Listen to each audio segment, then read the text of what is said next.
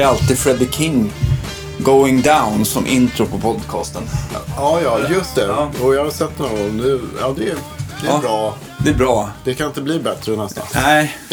Om man frågar Magnus Olsson nere på Krafton så tycker han annorlunda, men det, det struntar vi i fullkomligt. Ja. Men, Ja. vad heter det? Freddie King är ju... Det är väl en av dina förebilder? Alltså stora förebilder. Absolut, Ja. det, det får man säga. Ja. Det- Allt som har med Texas att göra brukar jag Ja. tycka om. Precis. Vad heter det? Ehm, välkommen hit Thomas Hammarlund. Jag, glömde, jag hade ju Claes Parmland här förra veckan, men jag glömde säga hej, välkommen Claes Parmland. Så att det, ja, han för, Ja, fick ja. förbli anonym hela avsnittet. Men folk såg väl i efterhand vad avsnittet hette, så det var väl ingen fara, tänker jag. Ja, då får jag säga tack då. Ja, Ja. Eh, sprang på dig tror jag första gången, vad kan det ha varit? 98 någonstans sådär. ja, det kan nog stämma. Ja, och då var det väl såklart på Stampen och sånt där som, eftersom jag blev in, invigd för bluesen via Brian Kramers bluesjam som fanns redan då. Just det. Och eh, sen så blev man ju mer och mer intresserad och jag, Emil och diverse andra gick ju och kollade mycket på livemusik. Och då var det ju Claes band, Blues Downtown, Knockis, eh, Knockout Greg and Blue Weather och Blue Hammer framförallt som, som du har haft sen.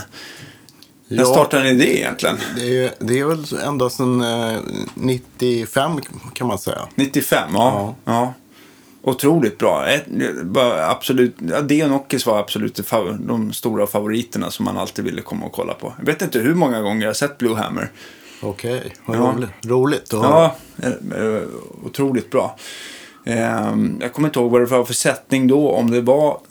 Eh, det var nog efter Hasse hade slutat på bas, men Tommy Kassemar var väl med. ja. Ja, hur, hur ser sättningen ut idag? Idag så ser sättningen ut ungefär som då. Att eh, Tommy Kassemar är med igen då. Ja, Och eh, Arnold Fibsen på Ja. trummor. ja, var en originaltrummis. Ja. Och eh, eh, Anders Niten Karlsson då förstås på sång och gitarr. Ja. Och eh, jag på gitarr och eh, något lite sång. Ja, och sen det. så har vi, har vi haft, haft Max Lorenz på, på, på orgel. ja. På, på original var Bengt Arenblad, va? Det stämmer det, Ja, precis. Den det. gamla legenden. Ja, just det. Så att, eh, så att vi har eh, för det mesta Max då på orgel. Vi kan ha ibland någon vikarie för honom. Ja, just det. Just det. Ehm, trevligt. Men jag tänkte om vi, om vi backar bandet eh, ännu, ännu längre så, så tog ju du en gitarr för första gången någon gång i tiden. Ja. Hur gammal var du när du liksom började spela sådär? Ja, det var väl eh, jag och två kompisar då när vi växte upp. Som, som tyckte det var kul med musik och sådär. Ja. Och vi bestämde oss för att skulle bilda ett band. Ja. Och då, min kompis Björn spelade gitarr. Och min kompis Jonas spelade trummor. Mm. Ja. Och då fanns det en plats kvar till Ja. mig då. Så jag började spela bas. Så det var så det började. okej. Sen så eh, tyckte jag det var roligt och sådär.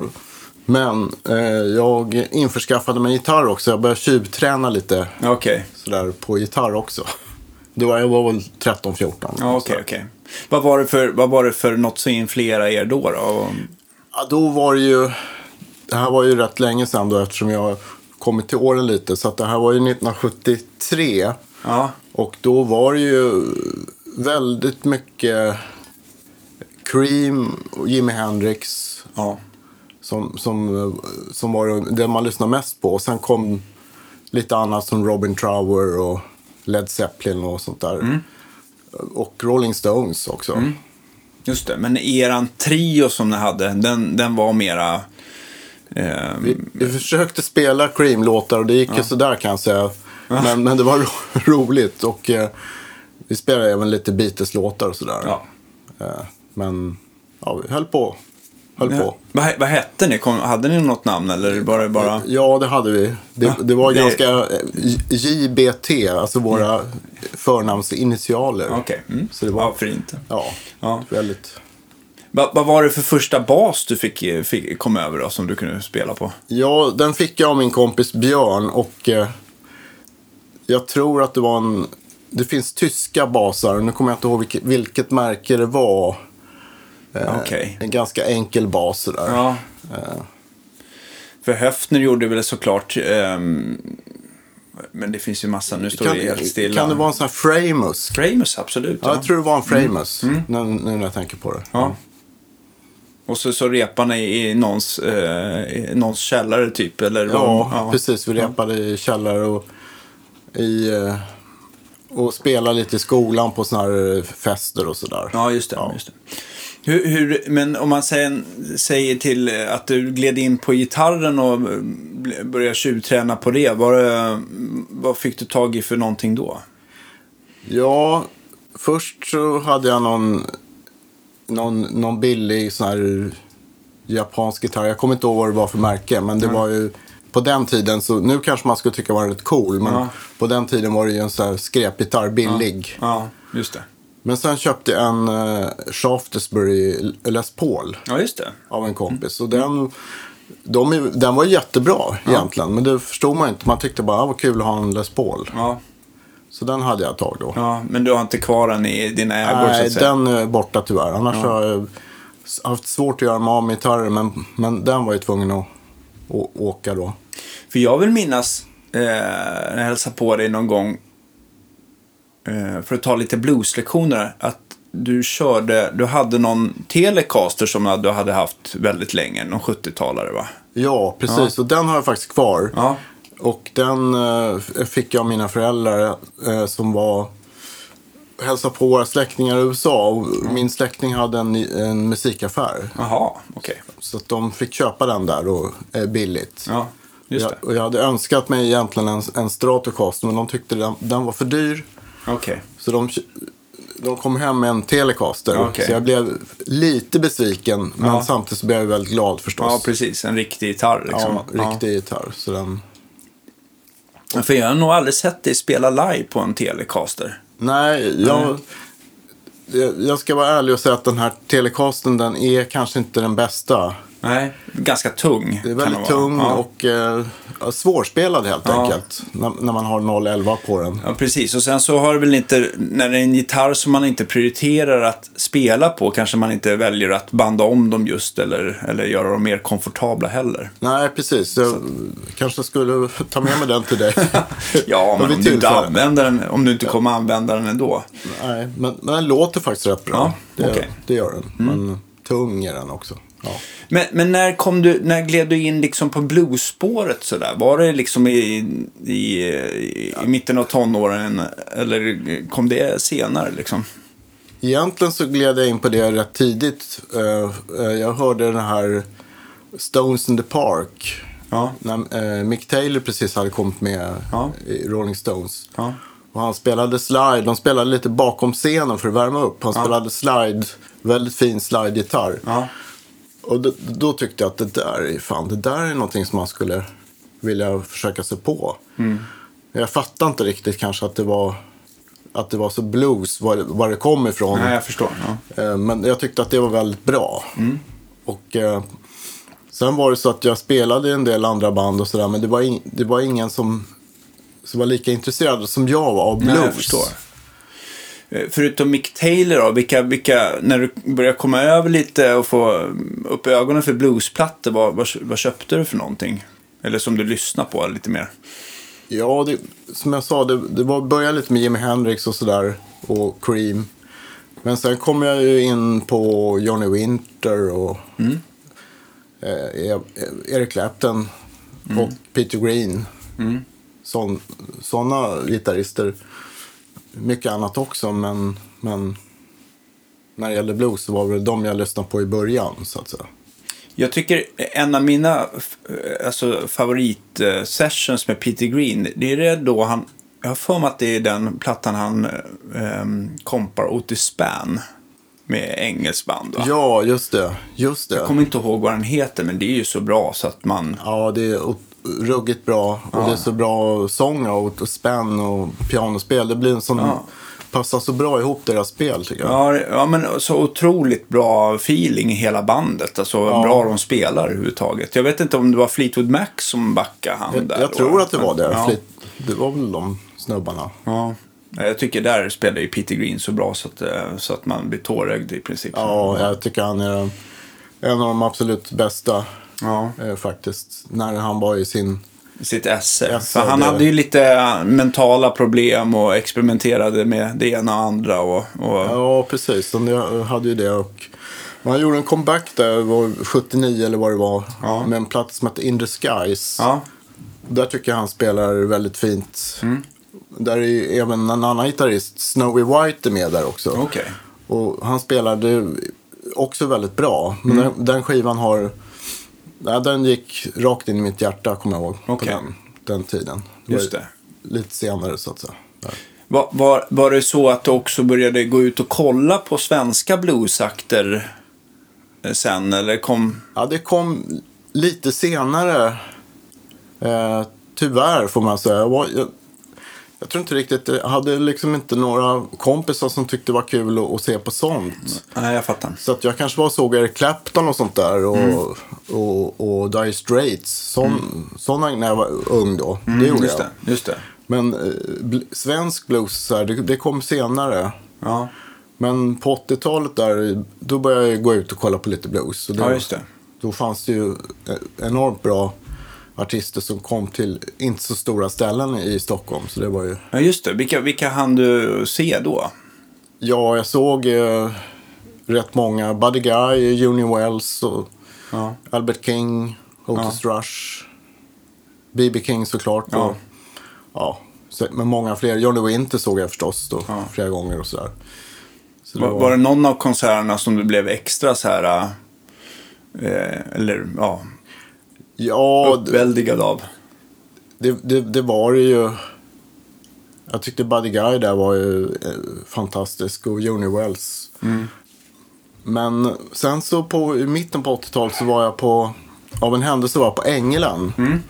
Och då var det en amerikansk eh, gitarrist som hette Alan Haynes som spelade där. just det. Och det blev jag ganska knockad av för att Ja. han var en, enormt driven liksom. Som, som, han var inte så gammal då men väldigt bra. Körde sin Les Paul kanske? Nej, nej han, han har väl alltid spelat strata tror jag. Varför blandar jag ihop det? Ja, det gör han ju just det. Ja. Vad tänker jag på då?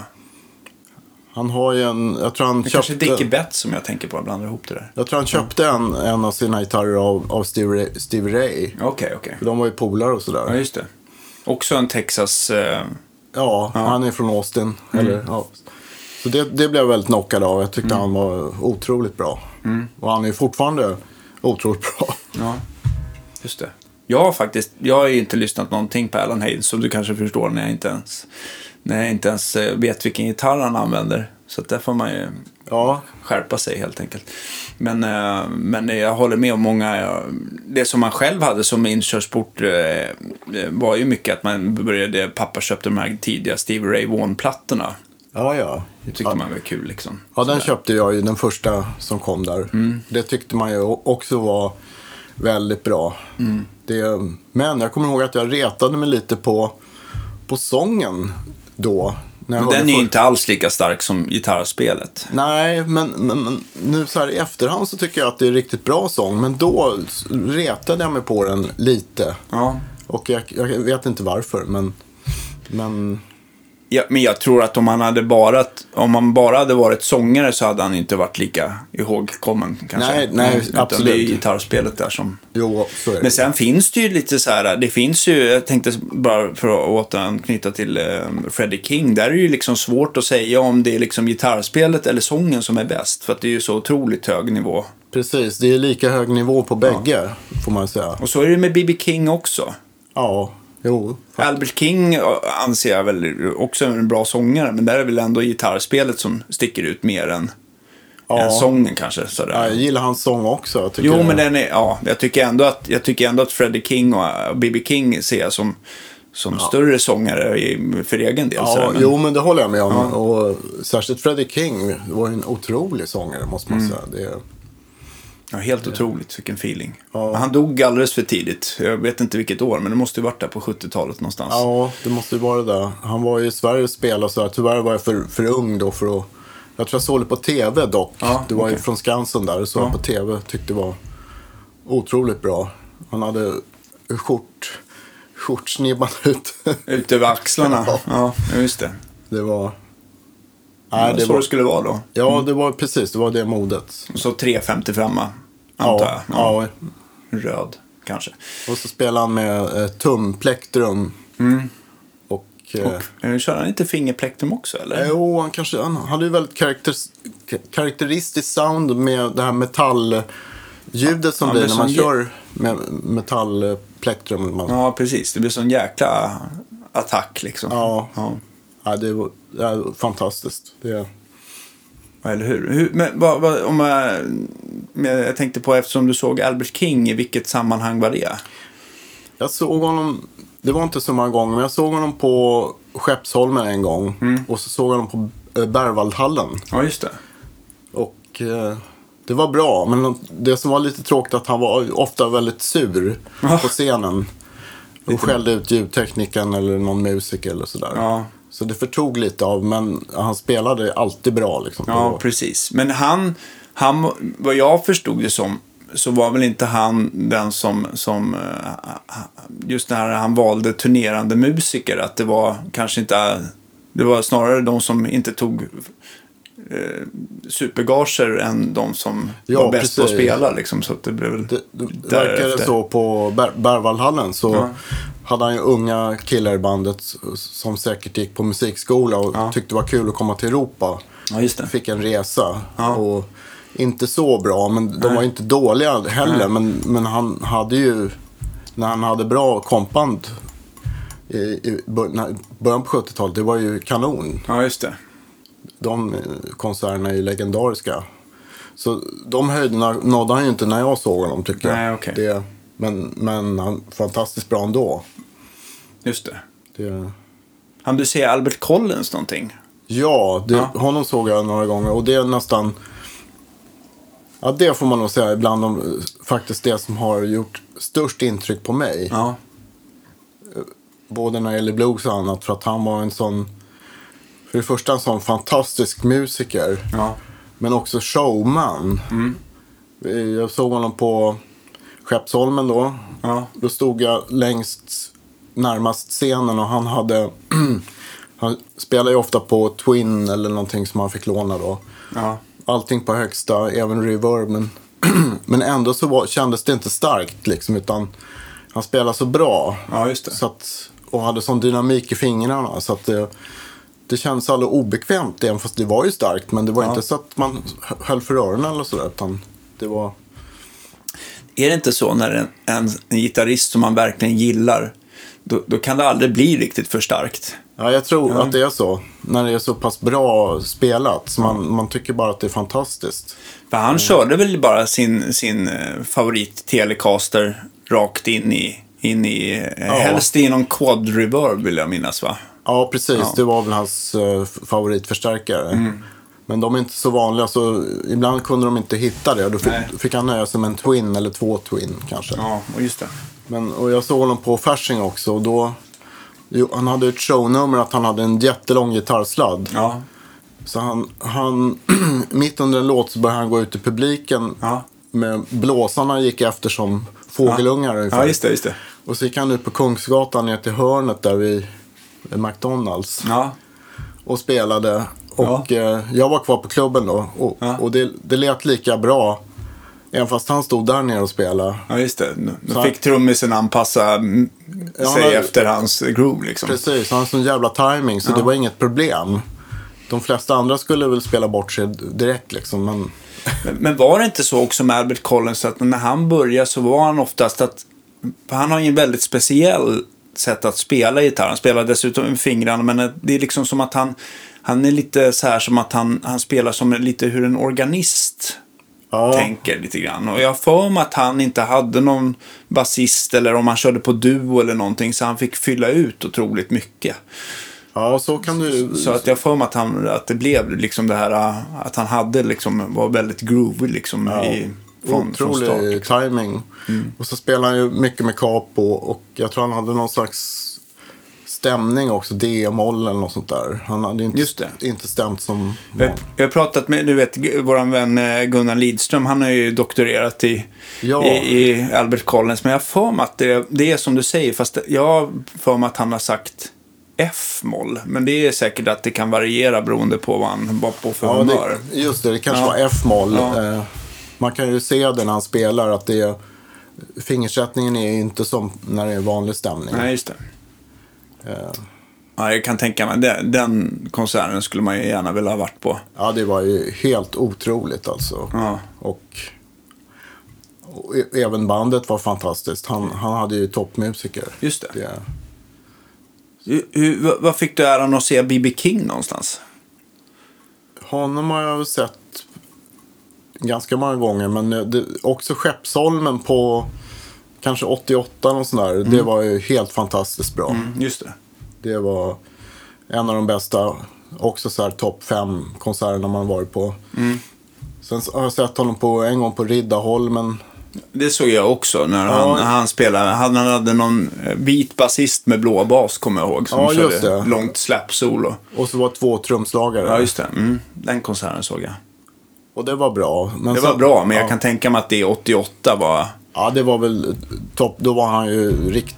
Ja, jag tycker han var nästan som bäst då. Mm. Men han var ju bra på 60... Ja, även 50, 60, 70-talet var han ju bra. Absolut, men jag tycker just på 60-talet då fick ju han liksom sin... sin eh, då började väl hans gitarrspel mera blomma ut. Även om han spelar bra gitarr även på 50-talsinspelningarna så var det väl mera som de här... De här... eh, Ja... Jag vet inte, det bara kändes som att det hände någonting i hans gitarrspel i alla fall på, Ja. på 60-talet. Om man tittar på de här eh, Blues is King och eh, Live at the Regal och Ja, precis. Det, de live-skivorna där. För det är väl 60-tal om jag inte missminner mig va? Ja, det är det. Ja. det är det. Han hade ju fantastiskt bra gitarrljud där, tycker jag, på Live at the Regal. Jag tror att det var en super reverb som han använde då. Super Reverb och en, eh, sin eh, Lucille som var väl egentligen en ES355 va? Jag tror det. Mm. Och eh, han hade väl innan det så hade han väl kanske en 330 också tror jag. Okej. Innan han gick över till Humbuckers. Jag har inte sett någon bild på det. Man har ju sett någon härlig bild på B.B. King när han står med en, en, en Sunburst-strata på 50-talet och Ja. kortbyxor. Just det. och, och kavaj. Så, Okej, Det finns väl bilder när han har Telecaster tror jag också. ja. Så att, eh, Säkert. han hade nog lite olika gitarrer i början där. Ja. Men det låter ju bra oavsett. Så när det är en mästare som spelar så låter det bra oavsett gitarr tycker jag. Precis. Han fick ju Polarpriset långt senare. Ja, Eh, Jag vet inte om det var 90-tal var det nog, eller om det var tidigt 2000-tal. Men det hade jag ju kunnat eh, googla fram. Men, men eh, det som var kul att jag fick på, han var på Kungliga Musikhögskolan. Och jag och Emil var där och vi fick, vi fick skaka hand med honom. Det var ju som att jag har ganska långa fingrar och stora händer. Men det, det var liksom som det bara, det bara försvann i, i, Ja, hans, eh, i hans näve liksom, kommer jag ihåg. Ja. Det var minnesvärt det där. På den tiden spelade jag med, med, med Roffe Wikström. Eh, Blue Hammer var kompan till, Mm. Just till Roffe. just det. Och då, i samband med att han fick Polarpriset så anordnade Gibson en gala på Berns. Okej, ja. Och eh, då fick vi äran att spela på den. Och det var ju väldigt minnesvärt för då satt B.B. King framför, rätt nära scenen och lyssnade på när, när vi spelade. ja. Det var ju, Jag var på det. Det lät ju svinbra tror jag. Men jag har för mig att var det inte också något eh, band från Musikhögskolan som körde typ sådana Royal Academy Bluesband? Eller var det bara Blue Hammer? Jag kommer inte ihåg riktigt. nej alltså det var ju en rad olika artister. Jag Just kommer det. inte ihåg alla. Det var Janne Schaffer och eh, många som spelade på Gibson. Mm, just det. Och, vilket Roffe gjorde då. Ja. Och, men det, alltså det var ju kända, jag kom inte så bra på alla de här var engelska hårdrockgitarrister och John Norum var där. Och det, var, det. det var väldigt många olika duktiga. Just det. Och så var det någon från Thin Lizzy. Brian var väl uppe och Ja, lirade lite grann. det. Det- I sina flipflops. Just det, Ja. så var det ja. Ja. Så det var, och sen så kom B.B. Kings band upp och spelade, jammade lite. Mm. B.B. King var inte med då, men, Nej. men det var en väldigt kul kväll. Måste Verkligen, man ja. säga. Eh, att få spela när det är B.B. King i publiken, det, är- det är lite konstigt. Men det är jag glad för att jag Ja, men det, med. ja, det är inte alla som har fått göra det. Nej, det, sen jag träffade B.B. King på någon presskonferens och sådär Mm. på Skeppsholmen. Och Verkade vara en otroligt trevlig man. Eller hur? Ja, Ja. ödmjuk och trevlig. Har, har du haft, eh, även om vi hoppar lite nu i tid sådär, har du haft eh, äran att kompa några amerikanska artister? Ja, det har jag ju då. Lite grann sådär. Ehm, jag spelade då med Allan Haynes till exempel. Ja. Kompat honom Ja. lite grann. Eh, En upplevelse förstår jag. Ja, verkligen. Och sen så när jag eh, spelade då på 90-talet, i början på 90-talet med eh, Bluesväder som blev Blue Weather. Ja, just det. Mm. Eh, då fick vi äran att, att, att kompa Homesick James Ja, i Norge. just det. Och det var ju en upplevelse. Ja, jag förstår det. För det, det var väl allt annat än tolvor han ville spela, va? Ja. Eller det- det var tänkt att det var tolvor, fast han bytte väl lite när han kände för det. Ja, han var väl lite sådär full i fan. För att han spelade två set. Det var ett set med Charlie Musselwhite. Mhm. Och då spelade han tolvorna perfekt. Det var inga konstiga byten. Mm. Men så när han skulle spela, när vi skulle kompa honom då. Mm. Då bytte han lite som, som han tyckte var roligt att byta. Ja. Och Sätta er lite i skiten Ja. Ja. och eh, då så vände han sig till alla, alla i bandet så här. UK, UK, UK. Och så kom han till Mats då, som, Mats Hammarlöf som Mm. är basist. You're not okay. och det, Och Masse som är kanske en av de svängigaste Ja, elbasist, bluesbasisterna vi har i detta avlånga land. Ja. han är superbra basist Ja. och men, men när han bytte sådär hej vilt, då är det inte så lätt att följa för Nej, någon. precis. Och det hörs ju mera på basen då, så det var ju inget, ingen skugga på hans spel. Men det var lite så han tyckte var roligt och ja, det var, men, men han var ju en legend får man ju säga. Verkligen, verkligen. Vilket, vilket blev det första bluesbandet som du hoppade med i?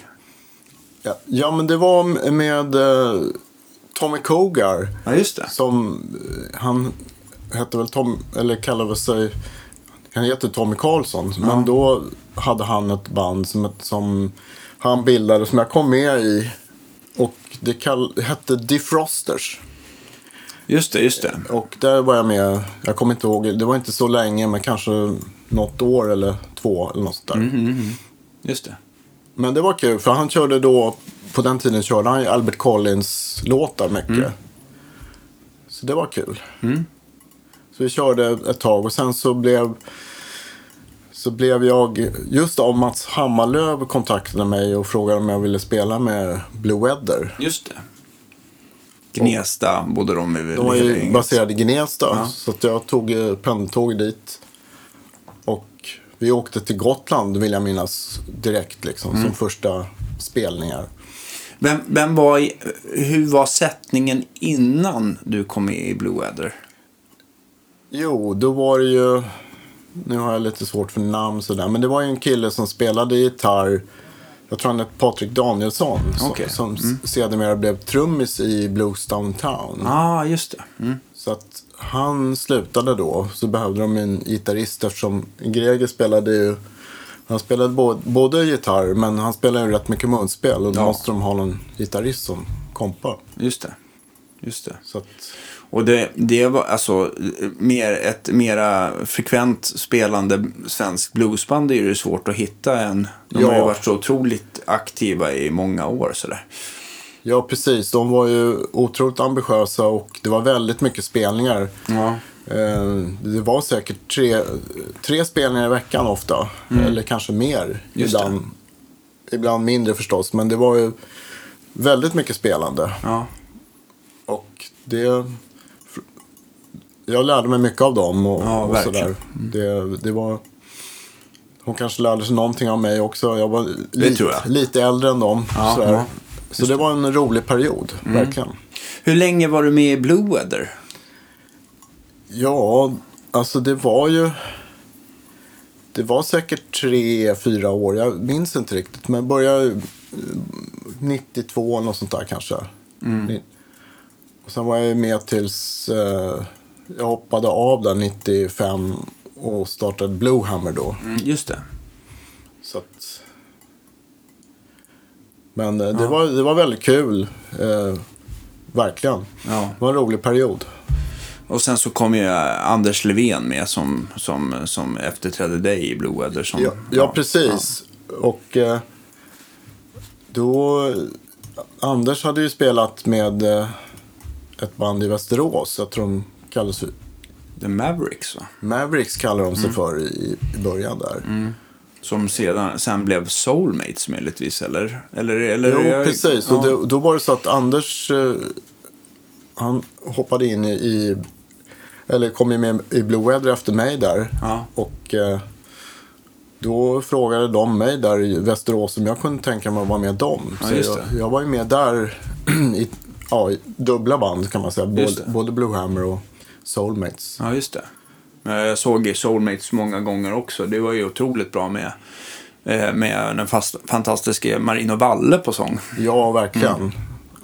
Där kan, man ju, där kan man ju prata. Det var väl han som nästan lät mest lik de här uh, Freddie King och B.B. King av Ja, svenska sångare tycker jag. Ja, verkligen. Han har jättestor och fin röst och bra feeling och... och nej, Bra på scen och Ja, ja, en- bra låtar. Men jag tänkte på Soulmates från, från, eh, från, från början. Var det mera Soulmates? Ni körde en hel del soul och alternerade det med blues. Och, eller rhythm and blues. Ja, Men det, var det liksom, eh, blev, blev det mer soul eller blev det mer blues med tiden? Eller hur? Ja, det blev kanske lite mer åt soul-hållet för att vi... I början så hade vi inte blåssektion Ja, med. Men Just sen fi, fick vi blåssektion och då, Ja. kunde, då passade det ju väldigt bra med många... Så vi körde nog me, lite mera soul, men fortfarande blueslåtar också. Det passar ju bra i, Ja. med, med blåssektion i, i blues också. så. Eller hur? Ja. Eller hur? Så att... Ja, men det, var- det var... Jag kommer ihåg att, det, att ni släppte i alla fall någon, det var väl någon, eh, ni släppte väl någon maxsingel med Soulmates innan fullängdaren kom va? Som jag tror jag har. Ja, det gjorde, det gjorde vi nog, ja. Den är Precis. otroligt bra också. Eh, good, look, good looking in Foxy 2 tror jag var öppningsspåret. ja, det. otroligt bra. Roy Brown, Mm. tror jag att det är. Ja. Ja, men han har en mäktig röst som gör de där låtarna rättvisa. Det är ju inte så många som kan eh, göra dem rättvisa i Sverige. Eh, Nej, verkligen.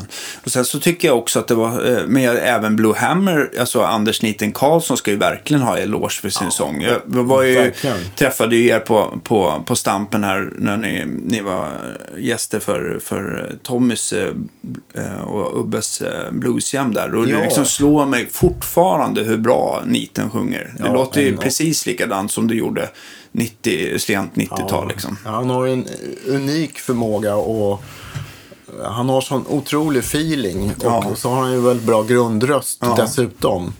Som är helt egen också. Verkligen. Det, och den låter, det som jag gillar att han låter väldigt naturlig när han sjunger. Det är hans egen röst liksom. Han, behöver- försöker inte låta som någon annan. Nej, som det- faktiskt en del gör, eller försöker. Ja. Så att, nej, jag, jag tycker han, han var, bara, det bara slog mig hur, hur bra det bra, likadant eh, bra det fortfarande lät liksom.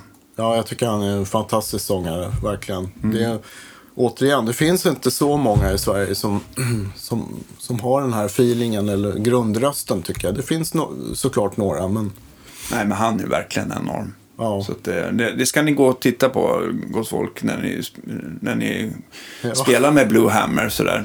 Nu vet jag inte om det är bäst att följa er på via Facebook eller om det är någon hemsida eller om man, hur man ser. Men, eh, ja. vi har väl på Facebook. Ja. Eh, vi, ska, vi ska spela, ja det vet inte när det sänder här, men vi ska spela på fredag i Vallentuna där på Ja, absolut. Då kommer det här sändas. För det här är ju torsdag, va? Så att det, det, nu Ja. har folk eh, Ja. Möjlighet att... Men det är väl på, är det på Folkets hus i, i Vallentuna för deras bluesförening, va? Ja, precis. Det är Kulturhuset tror jag det Ja. är. Jag tror att man kan söka sig fram. Men det, det, gå på det. Det är fantastiskt bra. Eh, men eh, när jag började kolla på Blue Hammer i alla fall, då var inte Arnulf med. Jag tror att det var mycket Micke Johansson som, som eh, var med och trumma hos er då. Va? Ja, alltså det var ju, Mick, Micke har varit med jättemycket. Och eh, det, det är väldigt kul att vi har kunnat spela med så två, två bra trumslagare. Både Arnulf och Micke, Absolut. Micke Johansson då. Och det var ju, eh, när vi kompade Roffe, då var det ju Micke Johansson Ja, som det, var det. Mm. trummis. Det var ju Blue Hammer, men, men, men Micke Johansson då. Just det. Arnulf hade ett, eh, ett, ett eget band som hade rätt mycket jobb på Finlandsbåtar. Ja, att så här säga. good Timers Good Timers, hette de ja, då tror jag. Ja. Så att han kunde inte vara med på rätt mycket. Men uh, Micke spelat med den äran verkligen. Verkligen. Och eh, han, han kommer säkert uh, hoppa in fler, vid flera tillfällen. Just det. Vi hade ju en sån här konsert på Akkurat, ett jubileum där. Mm. Ja. Och då delar ju Micke Johansson och Arnulf på kvällen så att säga. Ja.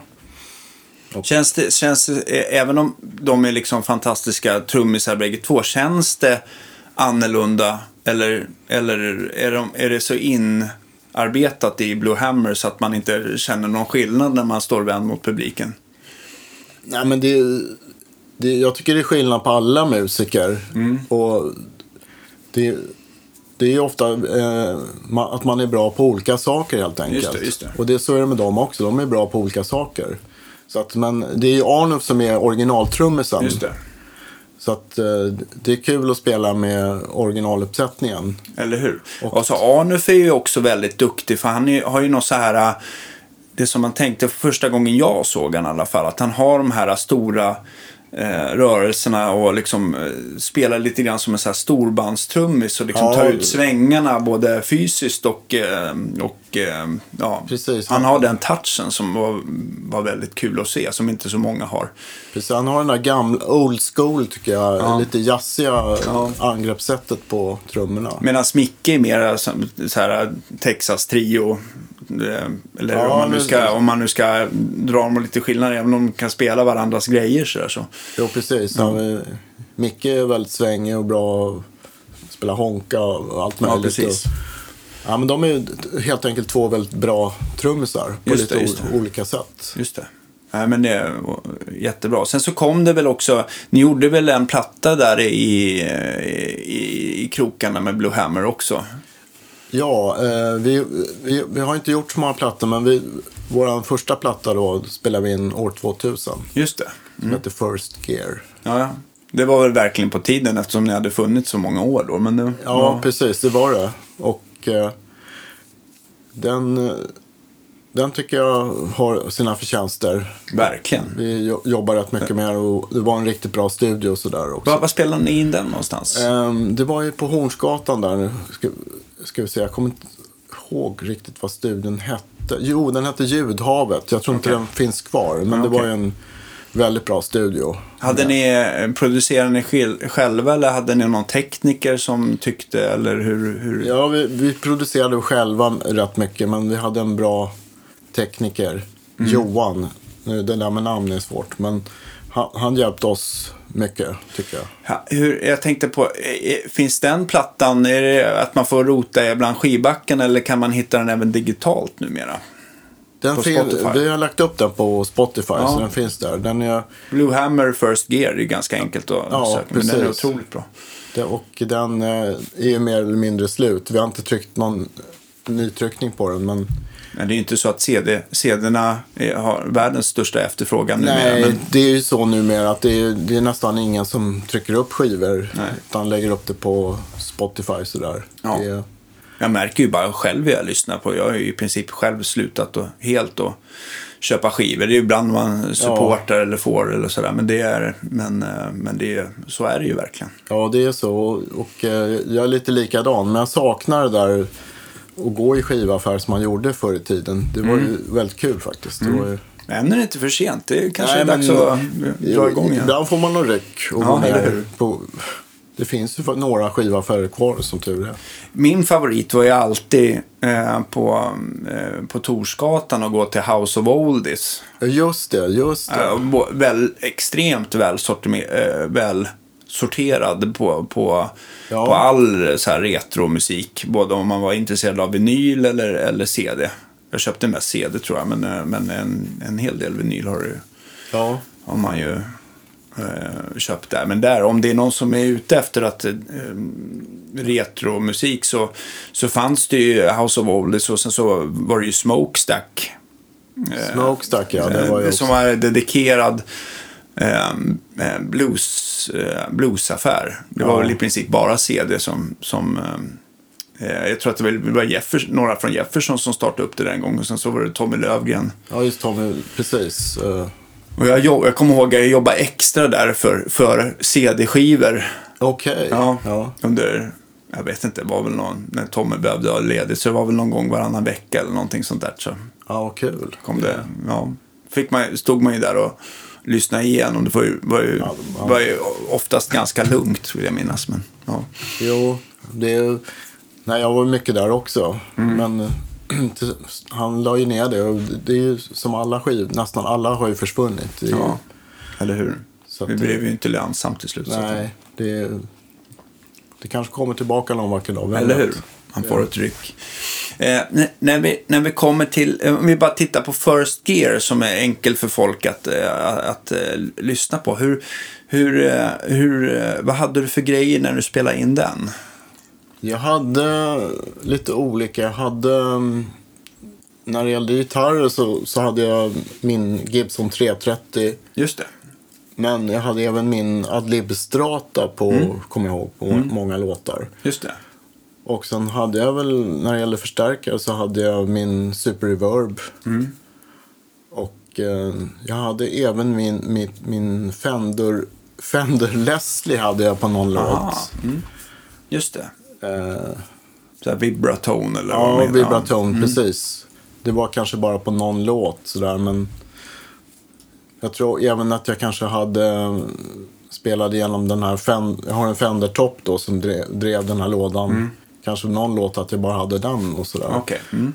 just det. Och ibland kanske bland, även blandade de där. Det fanns ju väldigt bra rum där som man kunde dra på ganska rejält utan att... Så att det var... Så att ni, när, ni, när du spelade in din stärkare där, då var det som att den fick stå lite för sig själv så att den inte läckte in i övriga? Eller, eller stod ni liksom i samma rum? Och, Ja, Vi stod, det var lite olika på olika låtar faktiskt. Vi Mm. stod i samma rum på en del låtar, men det var ett stort rum så man kunde ju skärma av lite sådär. Mm. Okej, precis. För annars är det ju sådär, man har märkt själv när man har spelat in alla i samma rum att det, det blir svårt om man har för stora förstärkare. Så att om det blir, den, Ja. de liksom dödar lite rummet på något sätt sådär om man inte är försiktig. Men, ehm, Ja, så kan det bli, absolut. Mm. Och sen gillar man inte när det är för dämpat heller, om det är helt dött i... Vilket det kan vara i sådana här gitarrrum ibland, så är det så dämpat så att... Ja, ja, precis. Och sen så kan det vara mysigt med det här läckaget som blir. Det blir någon slags ru- ambiens ehm, såklart. Men jag tänker också, ehm, jag tänker också att, att eh, om man eh, har en svinbra tagning men man inte får till gitarrsolot eller någonting, då kan det ju vara eh, mäckigt att eh, Ja. lappa över utan att det märks för mycket. Då. Men, Precis, Ja, så det har ju sina för och nackdelar. Man får se till att vara i bra form helt enkelt. Ja, precis. Man Ha får feeling. göra det. Och jag tror att det, var, det, det mesta var nog eh, live-tagningar, förutom sången då, som man brukar göra om. Ja, just det. Mm. Men det kan vara så att jag gjorde om någon gitarr också. Jag kommer inte ihåg riktigt, det är ju så länge sedan. Ja, just det. Men Eh, om man tittar på dina grejer så där, den 330 du har, eh, hur kom du över den? den eh, kom jag över eh, på Tip-Top Musik faktiskt. Det var, just det. jag kommer inte exakt ihåg när det var, men det, det var ju någon gång där, mi- 90-tal. Va, va, han, hur ser han i Uppsala eller hade han flyttat till Stockholm? Ja, det var i Stockholm. Okej. Det kommer jag ihåg. Mm, just det. Så att, eh, ja, det var i 90-talet där någon gång. Men eh, den har jag kvar och jag tycker den är jättebra gitarr. Ja, men den har ju varit lite ditt, så här, din, Ja. din, ditt signum på något sätt. tre- 330 rakt in i en Super Reverb. Ja, precis. Det, det som jag har ju kvar min Super Reverb, men det som är lite tråkigt är att den är lite jobbig att bära runt på. Ja. Eh, Men, men jag tycker ändå att det är den bästa förstärkaren. ja. Faktiskt. Just det. Den, men det, är så, och sen så är det väl också om man spelar på mindre ställen att det är svårt kanske att lägga upp den på den volymen innan den vaknar. Att Ja, den blir lite ljudstark sådär. Men, det är det också. Precis. Det är, men, men jag, jag, jag har ju sett dig spela både på Stampen och Akkurat med, med Super Reverb. Jag har aldrig upplevt det för starkt sådär heller. Den, den, den var, det var väl en gammal blackface, eller det är väl en gammal blackface Ja, som du har som precis. låter varmt och trevligt sådär. ja, Vilket år är den ifrån? eh, se- 1965. 65, ja. Ja. Så de gjorde väl lite små ändringar fram och tillbaka sådär. Men de där brukar ju låta... Ja, de, är, de flesta är väldigt bra. Det Är, det- är den helt original eller, eller har du bytt någonting i den? Så här element eller? Ja, alltså, den är ju mer eller mindre original, men det, det har väl gått sönder någon kondring och lite sånt, Ja, just det. sådär. Så att jag kommer inte riktigt ihåg, men det mesta är väl original. Det är, dock så är det två högtalare är såna här hästskomagneter. Mhm, så Alnico. Ja. Mm. och så två är runda. Men en del säger att det var så från fa- fabriken för att de hade eh, lite olika högtalare att tillgå. Så att Just säga. det. Men sen så tänker jag också att, att det kan vara ganska bra att det är så. För det blir ju liksom som att de, eftersom Alnicorna har oftast en tendens att ha ganska mycket bas och topp och de keramiska brukar ha lite mer mellanrester. Så det känns som att de liksom fyller i lite för varandra Ja, också. jag, jag tror det faktiskt. Så det, jag har alltid gillat att det är så. Men, men, nej, men det är fantastiska förstärkare. Ja, det, verkligen. Din 330, vad är- vilket år är den för? För det är väl en sån, eh, alltså eh, short neck. Som, som kom Ja, typ innan 67. Just det. Jag tror också att, det är, att den är från 65 om Ja. jag inte minns fel. Ja, just det. Och jag, jag, har provat dem med, med, långa, lång scale eller vad man säger. Mm. Ja, men egentligen är det nog samma skallängd. Det är ju bara att man flyttar fram stallet och halsen som på en 330. Den är liksom Aha, inte lika långt okej. in i kroppen sådär. Ja, jag trodde det var flera band på de här. Nej, det är nog samma. Däremot så får du ju på din så har du ju liksom lite svårare att spela, du vet, Ja. upp mot de sista banden för att det är liksom handen stöter i kroppen. Ja, just det. Precis. Men många anser ju dem att de ska låta lite bättre, de här short neck-varianterna. För att, eh, för att det blir mera, det blir mer halsklack in i kroppen. Ja, jag, jag tror det faktiskt att det är så. Och sen så, för att en 330, till skillnad från 335, den har ju ingen så här solid stock Nej, genom gitarren. Så att den blir, den blir liksom, den blir ju väldigt lätt, men lite mer rundgångskänslig och ja, så Mm. att de... Och sen så tycker jag att de här, den 330 som du har som är ett väldigt, väldigt bra ex, att de har ju lite bredare också på översadeln. De senare sådär som långnäckhalsarna, de var ju väldigt så här, nästan lite tandpetar. Ja, alltså att de är väldigt smala mm, Ja. mellan, mellan sträng, eh, tight spacing mellan strängarna. Ja, precis. Som det, kan kännas lite obekvämt om man inte är van såklart. Jo, det är en smaksak. Jag, Mm. jag har provat sådana där och jag föredrar min då. Men Ja. det kan ju vara att man är inspelad på den också. Verkligen, Det- verkligen. Eh, din Adlib-strata, eh, vad, vad, är, vad var det för någonting? Var det någonting som du fick byggt åt dig av Hasse direkt eller hittade du den begagnad? Nej, det var nog så att uh, Claes Parman som du hade här Mm, eh, tidigare. eh, Det var nog han som satte ihop den till mig, Mm. vill jag minnas. Och då var det ju, det var ju Adlib eh, kropp och hals också. Han har ju. Mm. byggt hela gitarren egentligen. Men jag har för mig att det var Claes som satte ihop den på något sätt. Just det. Tror jag. Jag tror att han... Jag vill minnas som att... ha- Eh, nu, nu gick vi inte in på det förra avsnittet med Claes, men, men jag för mig att historien är att han byggde en sån eh, tretons sunburst som den som du har med lönnhals. Så gjorde han en guldfärgad med rosewood-hals. Just det, så. Som, som blev eh, två gitarrer som man sen avyttrade. Då. Men, men, eh, och då men det- hamnade nog sunbursten hos dig där helt Just enkelt. det. Jag kommer ihåg att han hade en sån här guld också. Ja, just det. Eh, Så att... Ja, men det är en det är en jättebra gitarr måste jag säga. Ja, det är så här custom shop kvalitet fast ja. Ja. det var gjort i Sverige då. Från scratch. Så att ja, ja de är grymma. Eh, har, har du liksom eh, experimenterat med, med den gitarren och det har varit liksom olika mickar eller vet du vad du... Ja, ibland är det svårt att komma ihåg, men jag undrar om inte det, det fanns antmickar på den, Mm. tror jag. Bra. Ja. Ja. Mm. ja, de är jättebra. Och det kan vara så att jag bytte till sådana, jag minns inte riktigt. Mm. Just men, det. Men, Men med de två gitarrerna har väl nästan varit dina huvudgitarrer under många, många år i alla fall. ja, Eh, Det- När jag har sett dig och spela på dem. Eh, och sen så vill jag minnas också att du eh, lite senare skaffade en Goldtop va? just det. Ja, precis. en Les Paul med P90. Ja, den, All Gold, är så snyggt. Ja verkligen. Ja. Den, och den är, det är jättebra gitarr tycker jag. Det är fantastiskt eh, sound i den. Det är kanske lite tung sådär ibland, men, men, nej, men den är jättebra gitarr. Och, och jag vill ändå minnas att du har ett väldigt lätt X. Ja, men- eh, ja, men det är det en, eh, men det är klart att eh, oavsett om det är en lätt Les Paul så blir den ju nästan alltid tyngre än vad en Strata är. Och framförallt Ja. 330 som är väldigt lätt och skön att ha på sig. Ja, men precis. Är ju, men, Men jag tänker så här, P90-gitarrer som 330 och din Les Paul så, så får man ju ändå ganska olika sound. ja, Alltså på grund av konstruktionen sådär. Hur, hur skulle du beskriva de två emellan sig? Har du det, en uppfattning? det, oftast så är det väl att man får lite mer sustain tycker jag i Les Paulen. Just det. Att det, blir- det blir helt enkelt lite mer dist sådär. Mm, så att, eh, och jag, jag vill inte ha för mycket dist. eh, Nej. Då tycker jag det är svårt att spela. Man vill ha lite perkussiv ton sådär. Just det. Så att, eh, det kan vara att om man spelar på för små förstärkare kan, kan dista lite för mycket ibland. Mm, just det.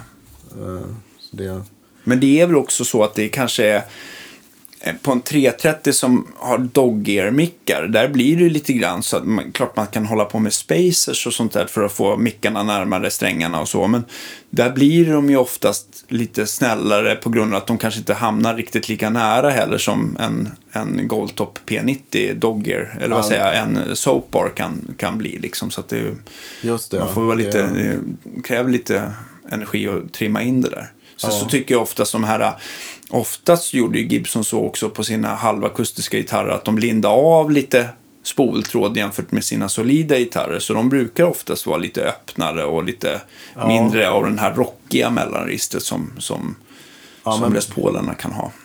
Att det blir lite mer rock-mellanregister liksom på dem. Ja, det, Och system. precis. Det, det, är väl- det kan väl vara nackdelen med Les Paul ibland. Att den kanske distar för mycket. Just helt det. Mm. enkelt. Men det, Jag har också sett det mycket när du, inte, när du då inte har haft din eh, Super Reverb. Så eh, du har väl haft både en Fender Blues Junior ofta, men du har väl ändå också, vill jag minnas, en, en rätt speciell typ så här Fender Concert, va? som någon 80-talare. Ja, det var länge. Jag hade en sån. Det var väldigt länge sedan. Ja. Men, men jag har en Vibrolux. Just det. Som är, det är ju som en, eh, en Super Reverb fast lite Halv. lättare. Ja. Mm. halva eller vad man ska säga. Och den tycker jag funkar rätt bra. För det mesta. Den kan dista lite för mycket om, det, om man drar på för mycket. Men, Just det.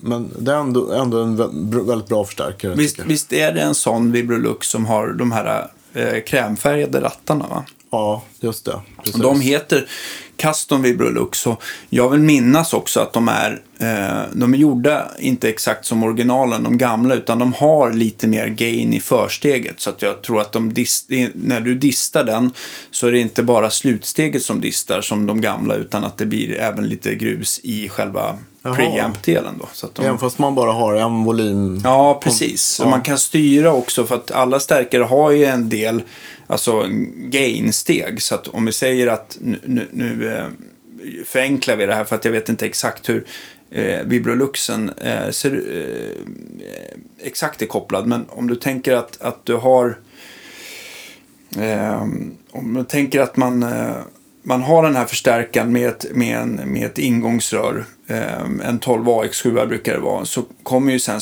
eh, reverbkretsen och tremolokretsen och sen så kommer det till den här fasdelen. Har du väldigt mycket gain utifrån det här första steget, då distar fasdelen före slutsteget distar. Okej. Så det blir lite så här vart tyngdpunkten är, alltså vart det, eh, Ja. vart det hamnar någonstans. Och jag, det var Kalle Norman på LH Musik och Audio som berättade att just de där var så. Så att man kunde, Ah, okej, man kunde med ja. några enkla moddar också eh, gaina dem lite grann så att, så att disten förflyttar sig lite i kretsen. Ja, Okej, jag Ja. förstår.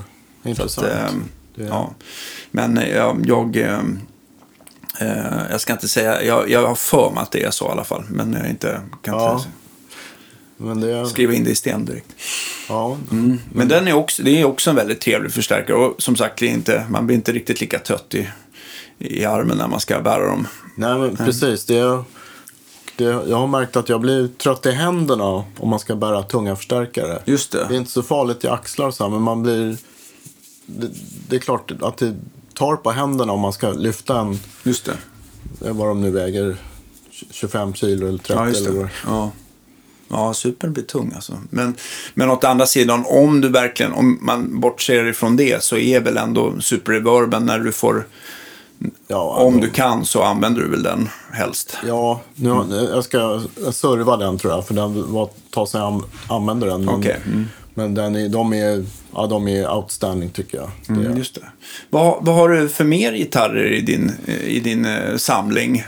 Ja, jag har ju en Japanstrata som jag tycker är väldigt bra. Mm, den brukar jag se dig använda Ja, ganska ja, mycket. den Behöver är- kanske inte vara riktigt lika rädd om den heller som... Nej, precis. Den, men den är riktigt bra. Det var ju du som poängterade det vid något tillfälle att det, att det är en riktigt bra gitarr. Och det Just tycker jag också. Men det, lätt och resonant och Ja. snygg sunburst. Och, ja. det är plastlack och sådär, men det, jag- det, det. gör mig ingenting. Jag tycker den låter bra och lätt Mm. att spela och sådär. Och, ja. Ja, men i- absolut jättebra. Har du eh, originalmickarna i den eller har du bytt även där? Nej, de hjälpte du mig att byta. Du ser. Till. Tur att någon har facit. Ja. Ja. Ehm, Vad satte vi då för någonting? ja, men det var någon sån här vintage eh, Fender Ja, just det. Någon custom shop set Ja. typ. Ja, just det. som du hade. Som, och det blev stor skillnad måste jag säga. Ja. För det är väl det- lite det som kan vara tråkiga med många Japanstrater, det är just elektroniken. Att, eh, Ja. Inte för att jag säger att det sitter massa sound i vilken putt, möjligtvis värdet, eh, men om vi säger att det är standardvärde så brukar inte det göra sån skillnad. Men, men just de här Japan-switcharna och puttarna, de brukar oftast eh, börja skrapa lite tidigare så, där, så att man vill byta ut dem. Ja, Men, eh, men mickarna är inte oftast så kul som, som de amerikanska. Nej, nej men precis. Nej, Så men, håller med. ja, men sen har jag en eh, Harmony Rocket Mm. som jag spelar lite slide på. Väldigt bra gitarr måste jag säga. Eh, De, de låter ju oftast. Det sitter ju några så här gamla Diarmon-mickar som låter Ja, otroligt charmigt som man inte kan ratta fram i något annat. nej, precis. Det är väldigt output i de mikrofonerna. Så Mm. man får, om man har en annan gitarr så får man vrida ner två steg Just för att det. få samma volym faktiskt. Ja, så att det okej. är, har aldrig varit med om någon sån output på någon annan mick tror jag. Ja, och det passar ganska bra till slide tycker jag. För då får Ja. man lite, mera, lite mer kompression och att det bär lite enklare för... Ja, faktiskt. Jag Det- tycker också att det, är- eh, att det är att föredra. När du spelar slide, brukar du också använda eh, elver eller brukar du välja ännu liksom tjockare? Ja, ja, det är tjockare. Jag tror att det är E-strängen kanske är 13 eller något sånt där. Ja, just det. Mm. Så det men jag har ju ofta stämt i öppet D. Mm. Så att, Det är det det ska vara. ja. Ja. Det, så det, lite Elmore och... precis, så då kan man kan ha tjocka strängar tycker jag. Det funkar ju bra. Mm. Men Jag tänkte på också så här angående, nu slog det mig liksom, för att gå tillbaka till dina förebilder, är inte också Anson Thunderberg en väldigt så här, någon som har Absolut, eh, eh. påverkat dig på ett eller annat sätt? Jo, verkligen. Han, tillhör ju också de här Texas-gitarristerna som jag gillar. Just det.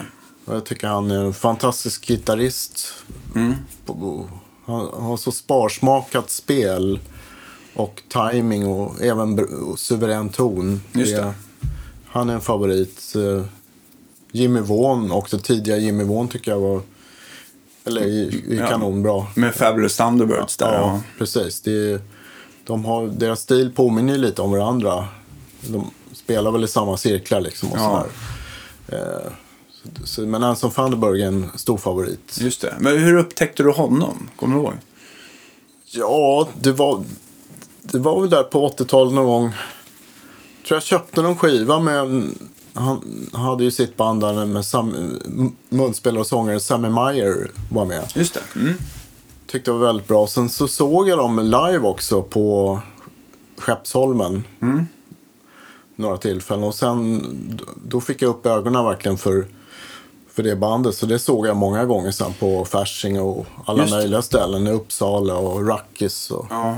så att, eh, och eh, nej, nej, jag tycker han är, han är fortfarande bra. Han, är, han har den där liksom, tajmingen och tonen. Det, när man sett honom live några gånger, då man slås av vilken otroligt bra timing han har när han spelar. Det, Vil- vilken av skivorna skulle du rekommendera först och främst?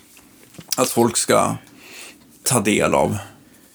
Ja, alltså jag är lite svårt att komma ihåg titlarna på skivorna. Men de där tidiga skivorna som han gav ut är ju fantastiskt bra tycker jag. Det, Nästan alltid så med de här gitarristerna. Och mm, att det är de tidiga. Ja, och han hade ju även före Sammy Meyer så hade han ju ett, ett bra band.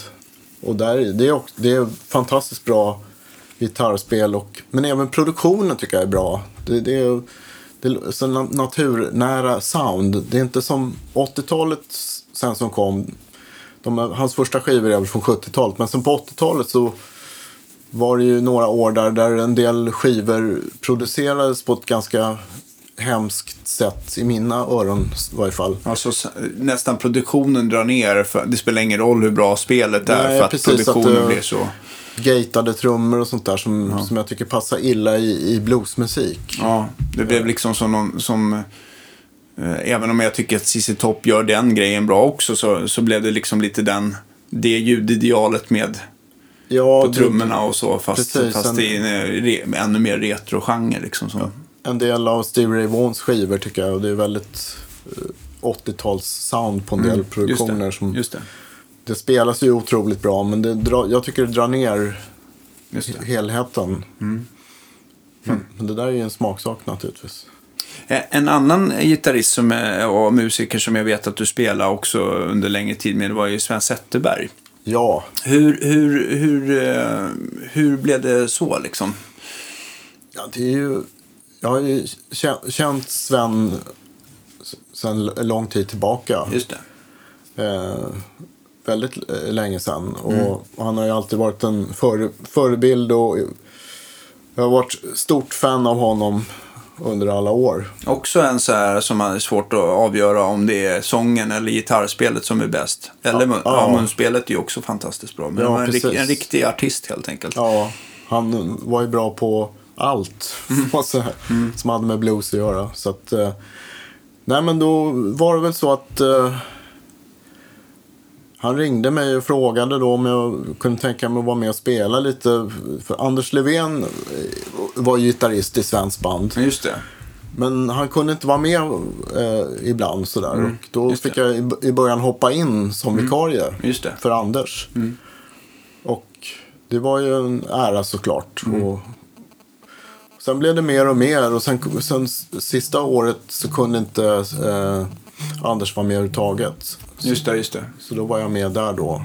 Sista, sista året. Nå, det är någon som söker det. Ja, det är det. Ja, det är säkert då.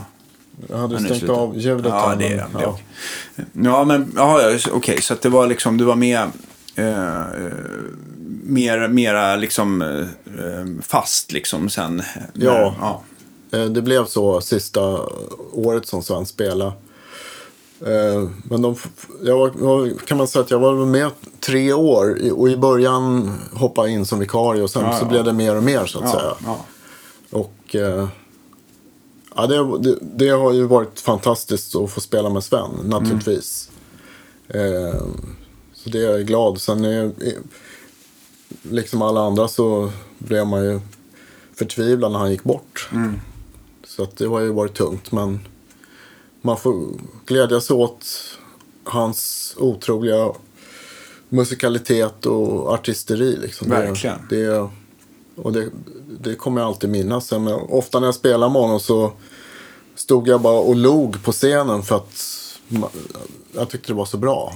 Han hade ju sån jäkla förmåga att när han fick feeling så, så blev det liksom all, alla röks med på något sätt. Så där. Det gick inte Ja, att... nej, precis. Det, det var på riktigt. Det, det var verkligen på riktigt. Det, Nej, he- helt, he- en helt otroligt. eh, Men som tyvärr gick bort alldeles för tidigt. Eh, ja, Jag vet att jag nämnt det förut. Han hade tackat ja till podcasten men han, eh, ja, ja, ja. vi hann inte med det. Och det måste ändå vara snart. Det är väl fem år sedan han gick bort eller något sånt där va? ja, 2016. Det, tiden går. Ja, Det, fem och ett halvt. det, Ja, verkligen. Eh, vad tänkte jag på? När det, när det kommer till prylar annars sådär. Har du, har du alltid liksom kört, valt att köra gitarren rakt in i stärkan? Eller har du haft no, några effekter emellan?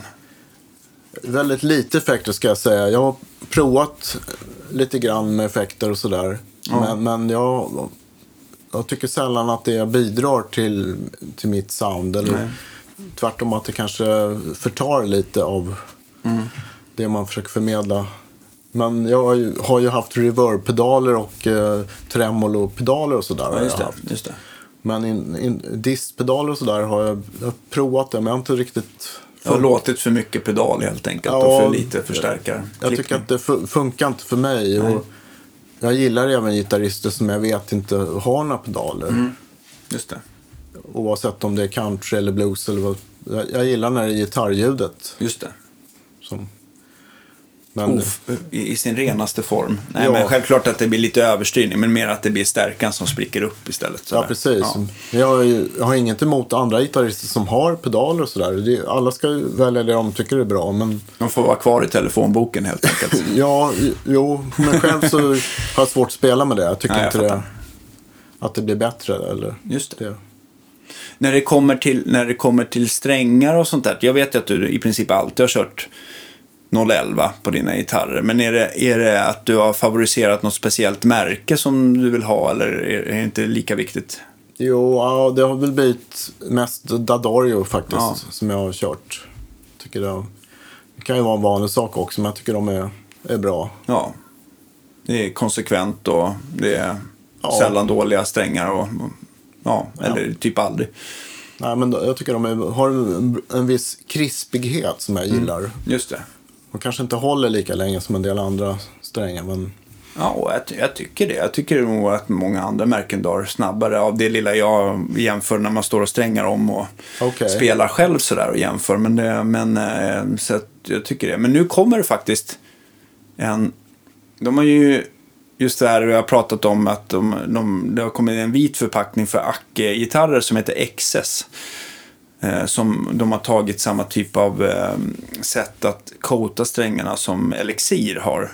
okej. Och för mig som har ganska mycket handsvett så har ju det Elixir varit väldigt, väldigt trevliga. Men jag har liksom gillat alltid Deodarius eh, kvalitet. Sådär. Så nu kommer elgitarrsträngen, den släpps väl här i mitten av april som, för den som är intresserad. Den heter väl heter den XE, XSE tror jag den kommer heta. Okej. Så det kommer eh, till början de här vanliga tjocklekarna 9 10 Ja. eh, elver och sådär. Så att eh, det kommer inte några 10,5 och så i början vad jag förstår det som. Men de, eh, ja, det hade kommit några provset till, till Krafton nu som jag skulle få ta del av. Så släpps de väl här ordentligt sen. Okej. Mm. Ja. Så att jag vet inte om du har haft något problem med, med att du dödar strängar fort. Men de, de har ju verkligen... Man känner ju den här lilla ytan från Elixir, eller den här typen av coating. Men jag tycker att det är värt det. Eller man vänjer sig vid det också. Ja. Och man får, får en sträng som låter nytt och fräscht från, från, från första till sista set så att säga. ja, det är bra. För jag, det som jag, enda som jag märker med Dadario-strängar det är när, när det blir extremt varmt på, på sommaren då när Ja, man spelar Ja. och man svettas och sådär. Ja. Då kan ju strängarna faktiskt dö på en spelning bara. Ja, verkligen.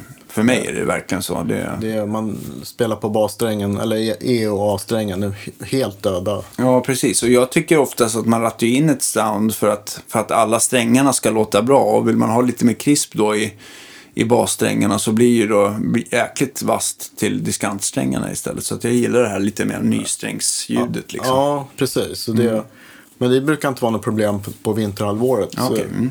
För mig. Men just på sommaren om det blir extremt varmt. Mm. Då kan det, kan det bli så att de bara, man, får, man får byta strängar efter varje spelning helt enkelt. Just det.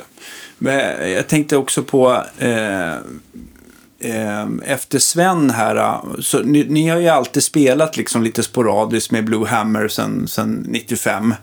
Eh, nu är det väl kanske inte riktigt lika mycket, men vad, har du hunnit göra andra grejer under tiden här efter, alltså, för Soulmates lades väl ner där? Ja, precis. De, de la ju ner. Ja. Och, eh, ja, men det som jag nämnde tidigare, vi, vi blev ju eh, kompan till Roffe Wikström. Just det. Och det var ju väldigt kul. Han är ju en fantastisk artist Mm. i, i sin genre. Hur, hur, hur många år eh, kompani Roffe? Ja, det blev nog en fyra år tror jag. Just det. Mm. Tre, fyra år. Och det var efter att eh, Dunker hade spelat trummor och eh, Jonathan Stensson, alltså den Just det. sättningen med, jag tror, även Pelle Piano och Max Lorenz var väl med där. Ja, de, de, de var med på precis lite olika. Kassemar såklart, men Ja. Kassemar var ju redan med i Blue Hammer så det var väl en ganska enkel, Ja, Tommy blev ju kvar. Ja. Även, han var ju med i det gamla bandet också. Just det, just det. Mm, Han var den enda som blev kvar då, eller man ska säga. Så att det var, gjorde många roliga spelningar och eh, många minnesvärda kvällar. Vi spelade ju mycket på Blidösund på somrarna, två vändor och så här. Det var ju det var ju nästan så att han hade, abonner- att han hade båten eh, slutsåld i, i veckovis. Ja, verkligen. En- Och jag tror det var så att Roffe var en av de första som spelade på Blidösund Just det. med elektriskt band. Och eh, han spelar nog fortfarande där väldigt mycket. Men när, när jag var med så var det ju två runder i början på sommaren och på slutet på sommaren. Så man spelade en vecka. Så att Just säga. Eh, och det var, ja, det var väldigt roliga kvällar och bra spelningar och sådär. Verkligen. Sen så vet vi, jag pratade med, med eh, Parmland också förra avsnittet, att du var med också i några av de här konstellationerna där ni eh, Back to the Roots, eh, den skivan sådär. eh, vi- vilka, vilka låtar plockade du fram från dina liksom gam- För det var väl att ni skulle gräva bland backarna, de här låtarna som har eh, Ja. påverkat er. Ja, men precis. Det var... Ibland så kommer man inte ihåg lika mycket som man vill. Men det, jag körde väl en uh, Magic Sam-låt som jag fortfarande kör som heter Come Into My Arms till exempel. Och sen var det ju... ehm, Jag vill minnas att du körde någon Robert Nighthawk-låt. ja, men det var det. Just det, precis. Take it easy typ, eller? Take it easy baby. Ja, just det. Mm. Robert Nighthawk. Och tror, Otroligt bra. jag tror att det var där som Sven spelade fantastiskt munspel. Ja, just det. Och det var lite kul för han nämnde det ibland så att, att han tyckte det var väldigt kul att vi spelade tillsammans på den. Eller att han var, det var ju Claes som liksom bestämde vilka som skulle vara med här. Och, Ja. och det var, Sven spelade fantastiskt bra där och jag tror att han tyckte det själv faktiskt. Att han fick till det där. Så att, annars så var inte jag spelat så mycket inspelningar med Sven. Nej, just det, utan just det det. var ju såklart Live, Anders ja. som gjorde. Men där spelade vi inte tillsammans. Så det var ju... Men det blev väl också naturligt så med Anders för att han är en så fast, fantastisk låtskrivare. Absolut. Han är ju inte bara bra gitarrist. Han är ju väldigt bra producent. ja, just det. Han fick ju verkligen fram... Jag tror att Sven tyckte verkligen om att ar- ar- arbeta med Anders av den anledningen. Absolut. Ja, det nämnde han ofta. Och eh, eh, det är ju bara att lyssna på skivorna. Mm. Det, det låter ju fantastiskt. Let Me Get Over It var väl den första som jag tror Anders var med och producerade Ja. lite grann. Va? Då var det väl i princip Blue Weather fast med Kassemar på bas va? Ja, de kanske växlar. Jag kommer inte ihåg om eh, Hasse kanske Just det, Hasse, var, Hasse Eriksson var ju med. Ja. Som också var med i Blue Hammer under... Precis. Hasse ska vi inte glömma bort. Han var Nej. ju med i, i Blue Hammer originalsättningen. Just det. Och eh, sen så slutade Hasse och, blev medlem i Blue Weather. Just det. Och då kom Tommy med Då istället. kom då. Tommy Kasmar in. Ja, just det. Mm. Hasse är en jättesvängig basist. Han är Jag vet. Ja. en av de svängigare. Du har ju spelat med honom Ja, jag också. spelade med honom i Young Guns under, under lång tid. Sådär. Men, eh, men eh, tyvärr så springer jag på honom alldeles för sällan. Så att jag vet inte riktigt om hur, om, om hur aktiv han är i dagsläget. Eller om han har lagt basen på hyllan. Jag hoppas inte det. Men Jag tror mer att han har, han har tagit en paus och Ja. eh, förhoppningsvis kommer tillbaka. okej, okej. Så han är inte med. Om Blue Hammer blir bokad idag så är han inte med, eh, riktigt med i... i Nej, inte i dagsläget, Nej. men eh, Man vet aldrig. man vet aldrig. Nej. Jag hoppas att han kommer Ja. tillbaka. Jag hoppas ni övertalar honom i alla fall. För han, Ja, han gav ju tumbasen ett ansikte tänkte jag säga. Men han hade ju ett jäkligt speciellt groove alltså. Så att, ja Mm. jättebra sväng. Så Det måste man säga. Så att jag hoppas att han tar upp den igen. Eller hur? Det brukar Eller ju hur? vara så att om man har spelat en gång så kan man ganska snabbt komma tillbaka till det spel man hade. Ja, absolut. Ja, det tror jag han skulle fixa Ja, galant. Ja, absolut. Ja. Det, det kommer in olika saker i livet som gör att man kanske tar pauser och sådär. Så att det, Just det. Men jag tänker på an, andra projekt eller, eller konstellationen som du, som är med, som du gör lite... um, Du, för du leder ju en hel del bluesjam eh, ko- tvärs över stan. Så där. Det har väl varit Liffy och det har varit Santa Clara och det har väl varit Stampen. ja, precis. Ja. Det, Hur, hur har det varit som att vara jamledare tycker du? Jag, jag tycker att det, det kan ju naturligtvis variera. Men Mm. på hela taget tycker jag att det har varit roligt. Mm. Och utvecklande. Och det som är roligt är att, tycker jag, att man träffar så mycket olika typer av musiker. Just det. Killar, tjejer, gitarrister, trummisar, alla möjliga.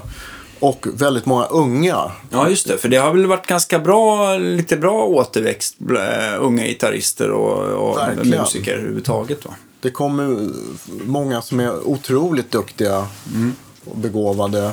Och de är bara 17-18 år. Och de kan ju bli bra som helst. Ja, precis. Man önskar själv att man var så bra när man var 17. Det var inte jag, det kan Nej. jag säga. Men, men har du någon, någon av alla jammare, yngre jammare, som du vill, är det någon som du vill plussa eh, lite extra som man ska hålla ett öga på? Ja, eh, när det gäller de här väldigt unga då så är det ju...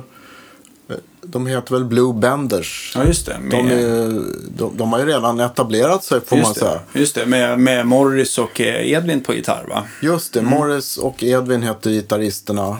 Och eh, hela bandet är ju fantastiskt bra. Bra sångare, Ja, han, han är ju otroligt bra. bra, bra mellansnack och det är, det är kul att se dem helt ja, enkelt. de, är, de bjussar på sig själva och de verkar ha genuint roligt när de spelar. Vilket det ju smittar av sig alltid. Ja, eller hur?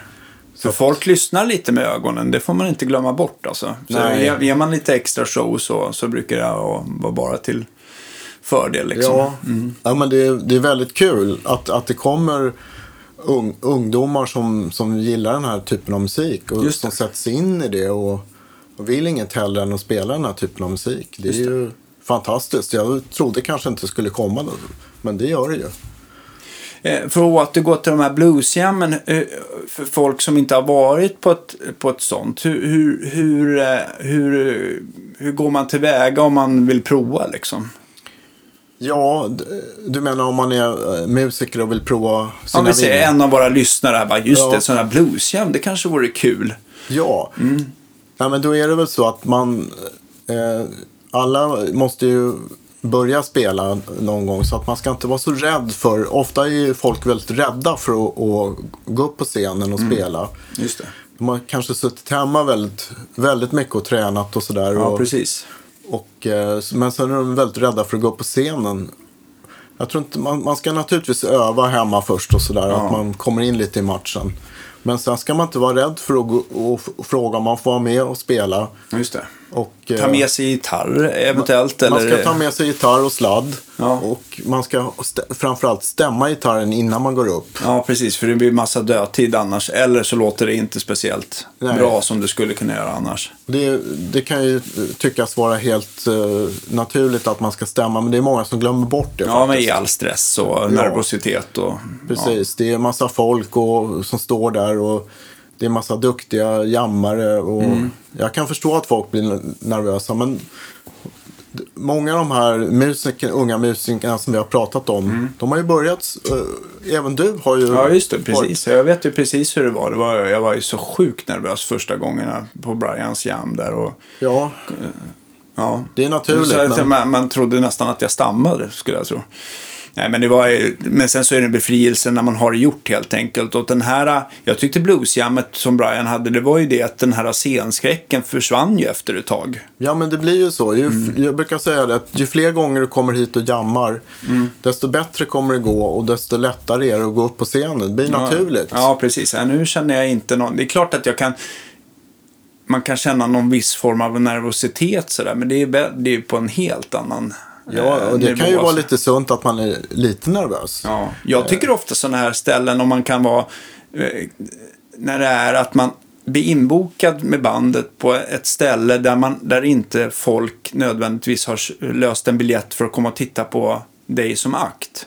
Det kan vara bröllop, det kan vara, det kan vara någon kick-off eller det kan vara något, något annorlunda event och sådär. Då kan jag tycka så här, hur fasiken ska det här gå?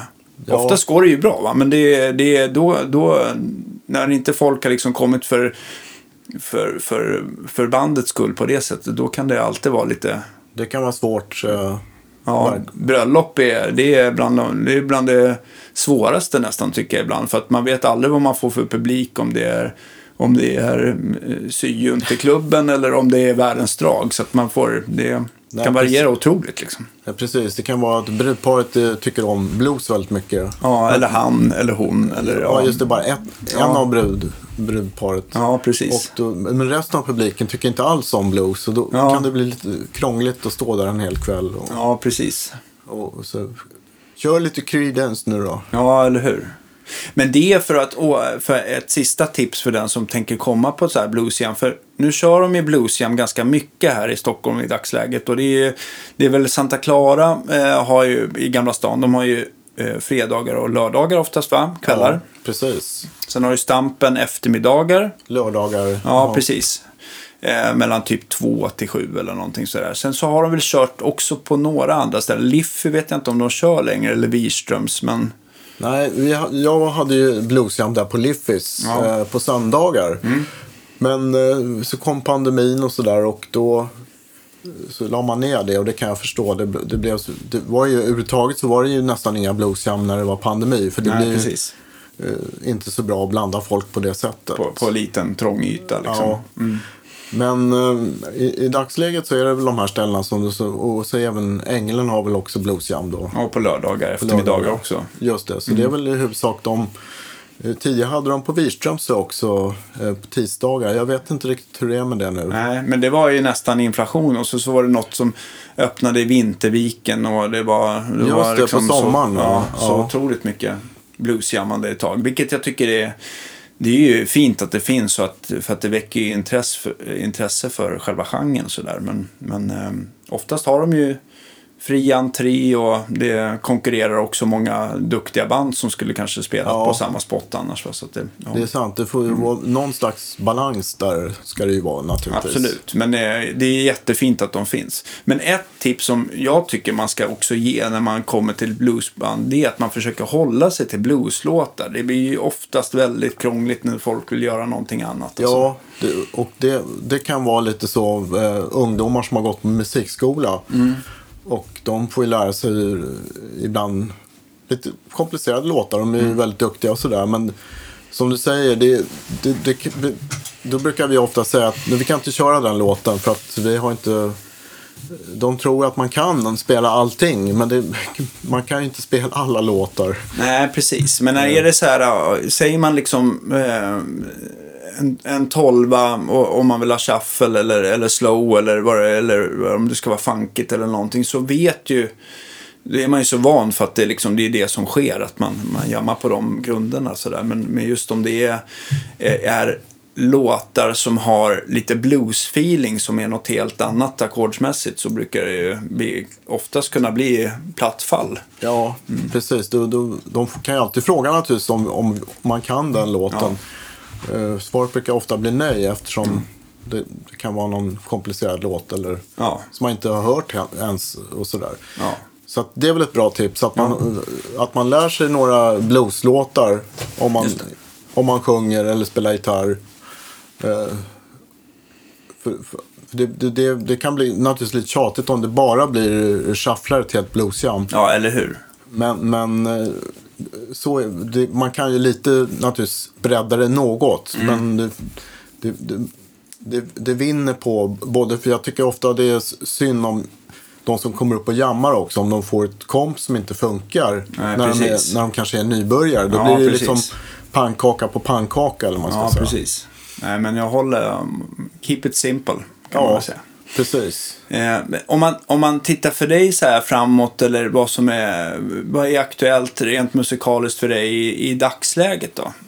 I dagsläget så är det ju så, ha, så har jag börjat spela med eh, sen i höstas kan man säga med Erika Bayer. Just det, också etablerad bluessångerska ja. som har hållit på länge. Mm. Jätteduktig sångerska mm. som skriver egna låtar. Och vi har gjort en del spelningar i höstas mm. när de släppte på restriktionerna. Mm.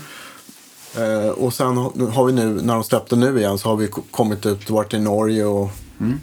och ska spela en del här i vår och i sommar. Och det är jätteroligt. Ja, Norge är ju fantastiskt. Eh, alltså, ja.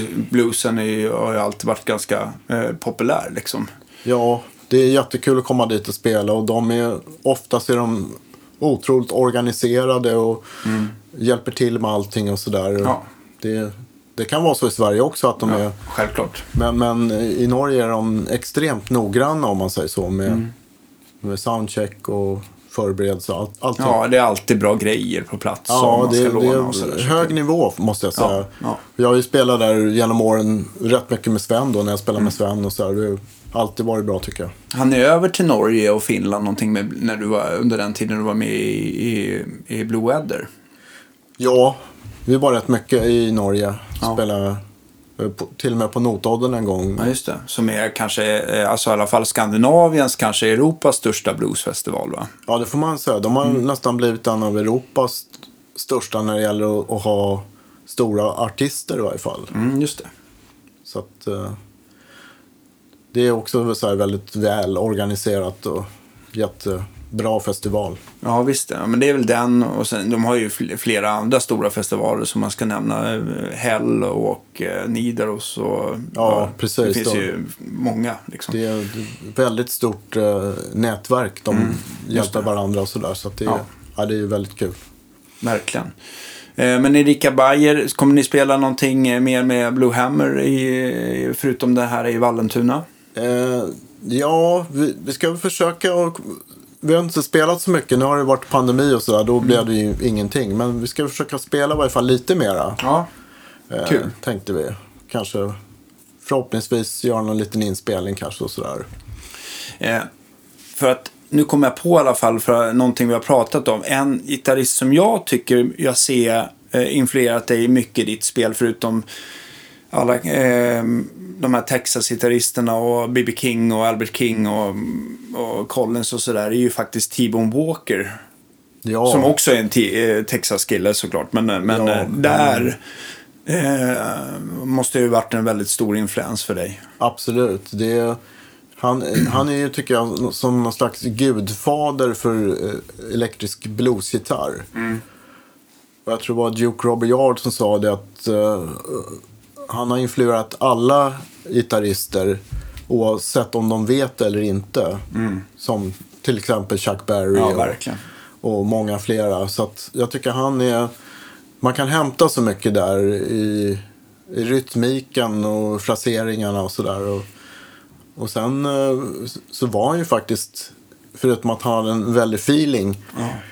Så var, var ju, när han var som bäst så hade han en otrolig teknik faktiskt. Mm. Det måste man säga. Ja, Man hade nog lite jazzgrund med så här, alla Charlie Christian. och Just det, han, de, de var ju samtida och eh, lyssnade säkert på varandra eh, en hel del. Så att det, nej men T-Bone Walker kan man lyssna på hur mycket som helst tycker jag. Det, Och, och googlar man på han också så kan det ju verkligen dyka upp så här 40-talsbilder när han står med sin stora jazzburken ES5 eh, och bakom huvudet och, och går ner i spagat samtidigt. Ja, precis. Vilken men det är inte många som kan eh, Nej, plagiera det i alla fall. nej men precis. Han var en otrolig showman. Mm. Det, ja, det är som en fantastisk musik och eh, otroligt kompband förstås med de bästa blåsarna och så vidare. Ja. Det, det, och det är musik som aldrig blir omodern i mina öron i varje fall. Nej, Men, verkligen inte.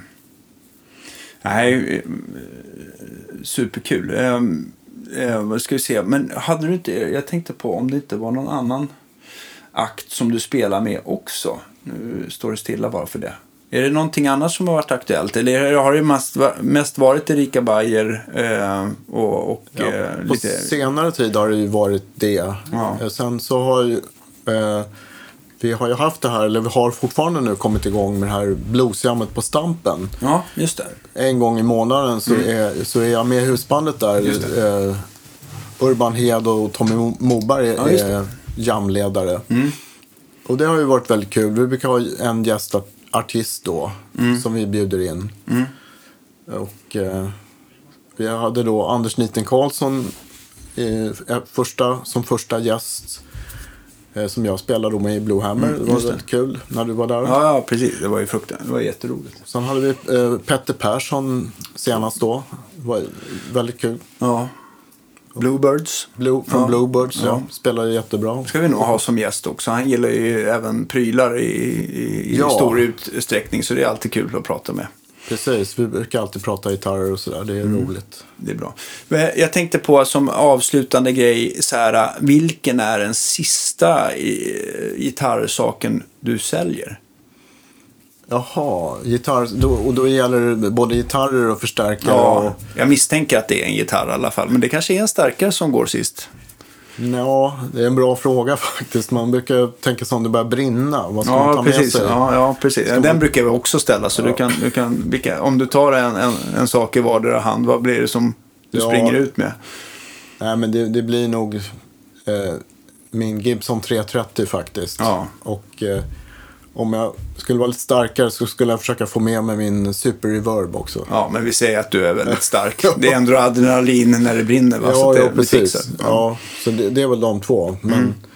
jag tror man är, när man är lite så här gitarrnörd, som vi alla är som håller på med det här, då, då vill man få med sig allting. Men det går ju inte. Nej, precis. Det, Och om vi tittar åt andra hållet, är du på jakt efter någon ny gitarr eller alltså åt Ja. andra hållet så här, något som du skulle vilja ha, något som står på önskelistan så där? ja, lite... Kanske någon, om man skulle hitta någon riktigt bra strata faktiskt. Det, det, det kan man aldrig få för många av, känner Mm. Nej, nej, jag förstår. jag. Eh, Vad, vad, vad, är det för, vad har du för önskemål då? Att den ska, är det någon speciell färg du ser framför dig eller? ehm, Ja, alltså... Egentligen så, så spelar färgen kanske inte så stor roll om man hittar ett bra exemplar. Eh, Jag fick ju prova en sån här MB-strata som Petter hade köpt. Den var ju väldigt bra. Ja. litet- Kostar därefter också? Kostar därefter. Men bara som ett exempel. Just det. Men man kan även hitta bra strater som inte är så dyra. Som till exempel min Japan-strata tycker jag är väldigt bra. Ja. Jag kanske har någonting till dig i sådant fall. Men, ehm, Okej, ja, vad roligt. Ja. Nej, vi får se. Men eh, jag skulle säga ett stort tack för att du kom hit. Jag antar att det finns hur hundratusen anekdoter och det finns eh, mycket som vi har hoppat eh, över i, i tid och otid. Men det, ja, Ja, det, man har inte tid med, all, med nej, allting. men det var i alla fall väldigt roligt att få ha det här Tompa. Ja, tack Ja. för att jag fick komma, Daniel. Tack, tack. Ja, och eh, kära lyssnare, vi hörs som vanligt nästa torsdag. Ha det så bra.